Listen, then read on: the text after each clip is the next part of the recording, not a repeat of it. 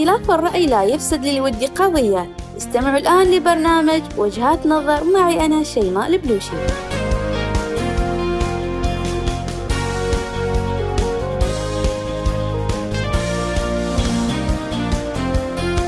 كل إنسان بطبيعته في الدنيا هذه يحب يكون كذا محبوب وشيء جميل ورائع في نظر الآخرين. ولكن مع الوقت والمبالغة في الاهتمام بآراء الناس راح تصير شاغلنا وكل تفكيرنا في الحياة وأن أسوأ ما ينتج عن انشغالنا بكلام الناس والطريقة اللي يفكروا فيها عنا هذا راح يشغلنا وراح يبعدنا عن الاهتمام بأنفسنا وقد يصبح ويتحول لمصدر قلق دائم يفسد علينا حياتنا. ومع المبالغة في تفسير كل شيء من نظرة لابتسامة لأصغر المواقف يتحول الأمر لجحيم لا يطاق. وتتحول آراء الآخرين عنا لمقياس نجاحنا ورضانا عن أنفسنا. ونبدأ بعد ذلك تشكيل حياتنا لتناسب مع آراء ومعتقدات الناس عنا. ورحب بالجميع وأهلا وسهلا بكم في هذه الحلقة من برنامج وجهات نظر. حلقتنا لليوم راح نتكلم عن كيف تواجه كلام الناس وهل يا ترى له أثر بحياتك سواء بالمستوى الإيجابي أو السلبي. وراح ناخذ آراءكم حول هذا الموضوع والمواقف اللي حصلت لكم وأثرت عليكم. إن للكلام قوة كبيرة وهائلة يمكنها أن تدمر الإنسان أو تصنع منه شخص قوي ويثق بنفسه. فالكلمة هي سلاح ذو حدين. أما أن تزيد من شأن الإنسان وتمنح الكثير من الثقة بالنفس والتعامل مع الناس وإما أن تدمره وتمحي ثقته بنفسه وتجعل منه إنسان ضعيف لا يثق بنفسه ولا بالآخرين. وهنا بداية في هذا الموضوع أنصح الأهل بأخذ الحذر أثناء تعاملهم مع أطفالهم خاصة أن الأهل والتربية هم أول خطوة يسير على خطاها الإنسان بقية حياته. على سبيل المثال إذا كان هناك طفل يسمع دائما أنت غبي وكل مرة بشكل مستمر سواء من أهله أو مثلا بالمدرسة فثق تماما من هذا الطفل راح يكون فعليا غبي ولا يثق في ذكائه ولا راح يستخدم ذكائه أساسا. وهذا طبعا نتيجة ما كان يسمعه أنت غبي أو أنت ما تفهم وغيرها من هذه المصطلحات. وهذا هو الحال مع كل البشر سواء كان الكبار أو الصغار. وبشكل عام أكيد الموضوع هذا يخص الجميع. أيضا لازم حنكون حذرين مع الكل. لما نوجه أي انتقاد أو أي كلام لازم نحاسب لكل كلمة نقولها ونقيسها قبل نكتبها أو قبل ننطق فيها لأن فعلا لها مدى وتأثيرها على صحة ونفسية الشخص المتلقي. إذا مستمعينا الكرام أنا اليوم في هذه الحلقة ما راح أطول عليكم كثير مباشرة راح أقرأ مشاركاتكم. جاني كذا فضول أشوف آرائكم والمواقف اللي مريتوا عليها وبعدها راح أنتقل إلى ختام الحلقة. راح أكلمكم عن بعض الحلول اللي يخليك ما تفكر كثير عن كلام الناس وكيف تفكيرهم عنك. الحين أول مشاركة من مازن يقول إن الكلمة لما تخرج سواء بالسلب أو الإيجاب لها أثر كبير في حياة أي إنسان لأنها ممكن تكون مثل الجرح اللي ما يندمل ويظل معك للأبد ويأثر حتى على شخصيتك وممكن تصنع الإنسان ناجح في حياته. ويقول إن أمي مرة وأنا في الابتدائي قالت لي أنت صانع المعجزات وهذه الكلمة أثرت فيني جدا وخلتني كل مرة كل مرة يعني لما تصعب علي الدنيا وتضيق فيني هذه الجملة تخليني كل مرة أرجع أقوى من أول. أما أنيس تقول بالنسبة لكلام الناس الشيء اللي الجميع متفقين عليه أن الناس كلامها ما يخلص لا على الحي ولا على الميت. لذلك قيل إرضاء الناس غاية لا تدرك.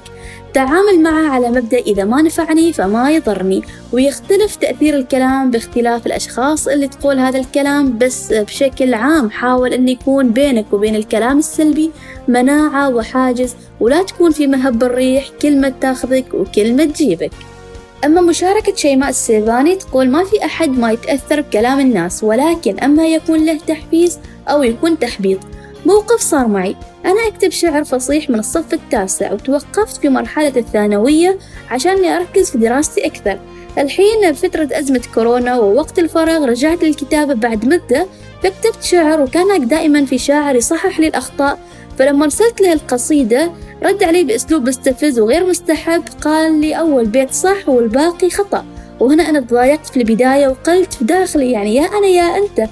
وبعد ثلاث أيام كتبت وارسلت له وقال إن كل شيء صح والمعنى جميل والأبيات موزونة. مشاركة من ملاك تقول طبعا كلام الناس ما يخلص والسلبي والإيجابي ولازم حد مؤيد وحد معارض على أي شيء أسويه ورضا الناس غاية لا تدرك. آه، بالنسبة لي الكلام الإيجابي أخذه وأحفز نفسي فيه وأرتقي به ويعزز لي. أما السلبي فأعتبره مثل الدرج أدوس عليه عشان أرتقي فيه نحو سلم النجاح وأخليه دافع لي عشان أستمر وأبدع أكثر. صار لي كثير مواقف سلبية وإيجابية فبذكركم واحد منها موقف سلبي أنا خليته تحدي بيني وبين نفسي وفزت فيه. هو أن تعرضت للتنمر واجد بسبب نبرة صوتي يقولوا عنها أنها تشبه صوت نبرة الأولاد وكان يقولوا لي ما راح تكوني مذيعة أو حتى مقدمة برامج. بسبب صوتك اللي يخوف راح تخوفي الناس فيه. طبعا أنا قبلت التحدي والحمد لله صرت وقدمت كم مرة برامج مختلفة والحين في رك راديو صار لي برنامجي الخاص وصرت هاوية للتقديم الإذاعي والحمد لله. أما ناصر يقول في السابق أواجه بكل ردة فعل بأقوى منها بس الحمد لله بعد قراءة الكتب تعلمت الحين أن ألتزم بالصمت وبعدها أرد. حتى مرات أتجاهل وصار عندي مناعة من الكلام السلبي. أمشي بثقة وأعرف اللي ينتقدني واللي يكرهني واللي ما يريد لي الخير. وموقف أثر فيني من أعز أقربائي لما شافني أسوي فيديوهات على الإنستغرام فقال أنت إيش تسوي؟ ترى ما راح توصل لشيء وهالشيء ما سهل.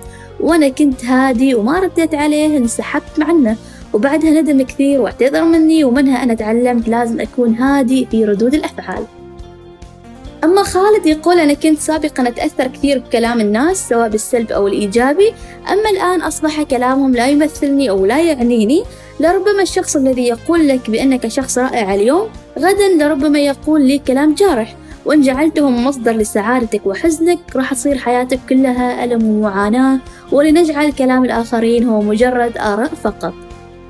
مشاركة سبأ تقول كلام الناس فيه الإيجابي والسلبي وكل واحد منهم يأثر بشكل مختلف طبعا الإيجابي الكل يحبه.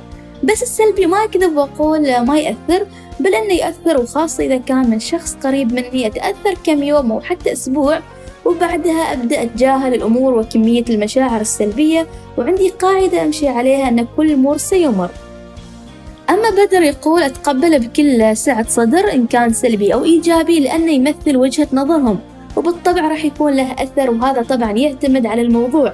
وأقوى موقف طبعا إيجابي الحمد لله لحظة قبولي بالوظيفة وبنفس التخصص والدرجة فكان استقبال أمي لي عند رجوعي للبيت بالحضن الحنون ودموع الفرح فكان موقف جدا مؤثر فيني ولليوم أتذكره ومستحيل أنساه.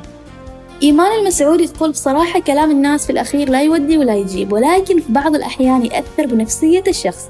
أنا كمثال أي شخص ينتقدني على شيء أنا تعبانة فيه أتضايق. بس بعد فترة أقول ليش أتضايق على انتقادهم؟ وأنا عارفة نفسي إن تعبت على هذا الشغل وعشان أوصل للأفضل.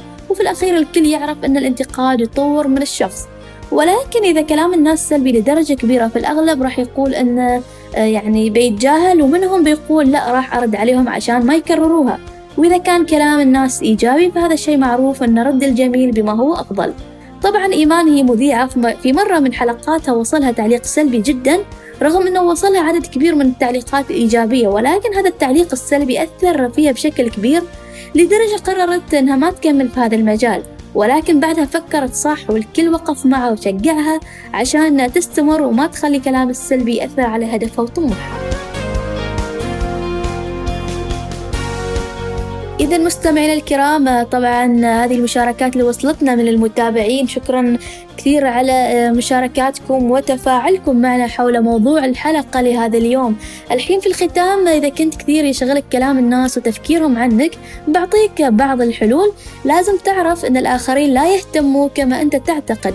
أي أن الناس كثير منشغلين بحياتهم ومشاكلهم فإذا عبر لك شخص عن رأيه عن شيء أنت تسويه هذا ما يعني أنه منشغل باللي أنت تسويه ويفكر فيه.